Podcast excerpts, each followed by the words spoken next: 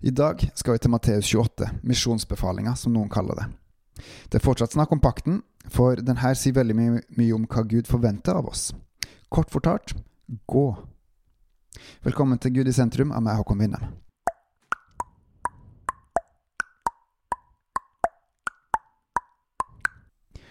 I Matteus 28 så sier Jesus, Meg er gitt all makt i himmel og på jord. Gå derfor. Og så kommer det mer. I Johannes 15 så står det at Jesus sier, Jeg er det sanne vintre, og min far er vingårdsmannen.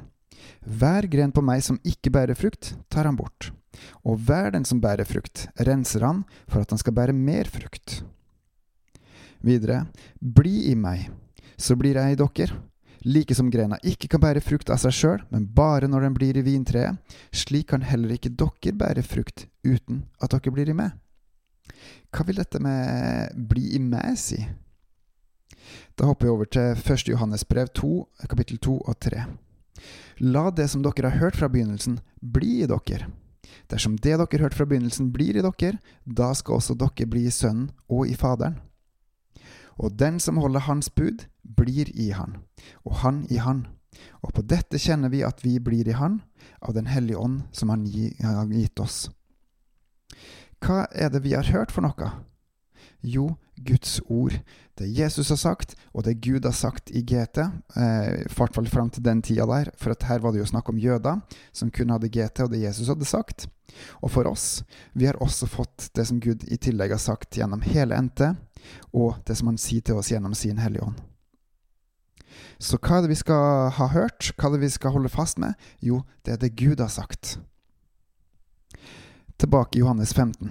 I vers 7 så står det:" Dersom dere blir i meg, og mine ord blir i dere, da be om hva dere vil, og dere skal få det. Så vi skal altså holde Guds ord. Og hvis, eh, hvis vi gjør det, da kan vi be om hva vi vil. Et enormt løfte. Og Det er kanskje viktig å si inn i vår setting her at vi snakker ikke om at vi skal be om å få oss et eh, nytt hus og ny bil til egen nytte, men når man vet hva Guds ord sier, så ber man hovedsakelig for Guds rike. Videre i Johannes 15 så står det:" Like som Faderen har elska meg, så har jeg elska dere. Bli i min kjærlighet. Hvis dere holder mine bud, da blir dere i min kjærlighet, like som jeg har holdt min fars bud og blir i hans kjærlighet. Så bli i eh, Jesu kjærlighet, rett og slett. Og dette er mitt bud, at dere skal elske hverandre, like som jeg har elska dere, sier Jesus. Og når man snakker om elske her, så er det ikke en mellommenneskelig elske, men det er rett og slett agape gi. Gi uten følelser, gi uten forventning å få noe tilbake. Gi, rett og slett. Og når vi snakker om hverandre, så er det her i denne settingen her, og mange andre setninger i NT, at vi skal elske de andre rundt oss som tror på Jesus. Ja, vi skal også elske andre, men her er det fokus på trossøsken, det som Bibelen kaller brødre. Vi skal elske, vi skal gi, og vi skal gi til våre brødre. Uten følelser, uten å få noe tilbake. Vi skal rett og slett gi. For ingenting har vi fått det, for ingenting skal vi gi det videre. Vi skal rett og slett gi. Investere i hverandre. Og ingen har større kjærlighet enn denne, at han setter sitt liv til for sine venner, sier Jesus også. Sterke ord. Å gi uten å forvente å få tilbake igjen. I vers 16 så står det:" Dere har ikke utvalgt meg, men jeg har utvalgt dere, og bestemt dere til å gå ut og bære frukt. Og deres frukt skal vare, for at Faderen skal gi dere alt det Han ber om, i mitt navn. Gå og bær frukt, står det rett og slett, med alle de løftene det også innebærer. Og da skal vi tilbake til Matteus 28, hvor Jesus sier, Meg er gitt all makt i himmel og på jord. Gå derfor ut, og gjør alle folkeslag til disipler, idet dere døper dem til Faderens og Sønnens og Den hellige ånds navn, og lærer dem å holde alt det jeg har befalt dere.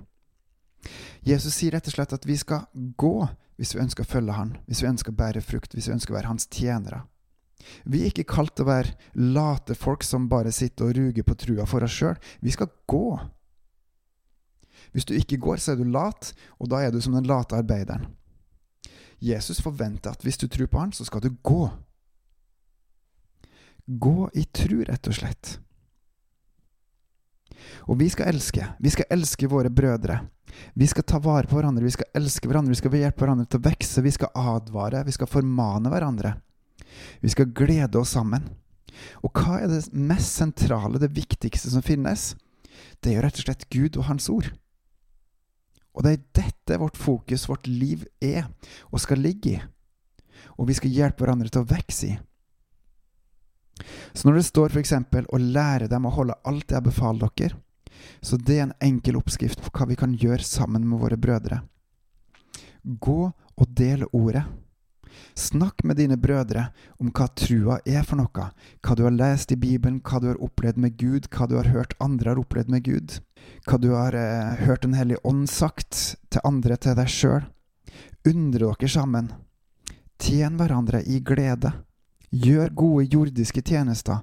Gjør hverandre Guds rike borgertjenester.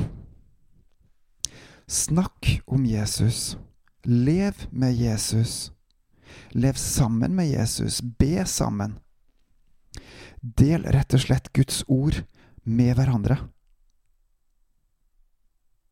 Og nettopp det er min lille utfordring i dag. Vær bevisst på å dele Guds ord med andre folk rundt deg, med dine brødre. Fordi det er med på å gå, det er med på å gjøre, det er med på å elske hverandre. Fordi det er det Gud vil. Bebels og på gjenhør.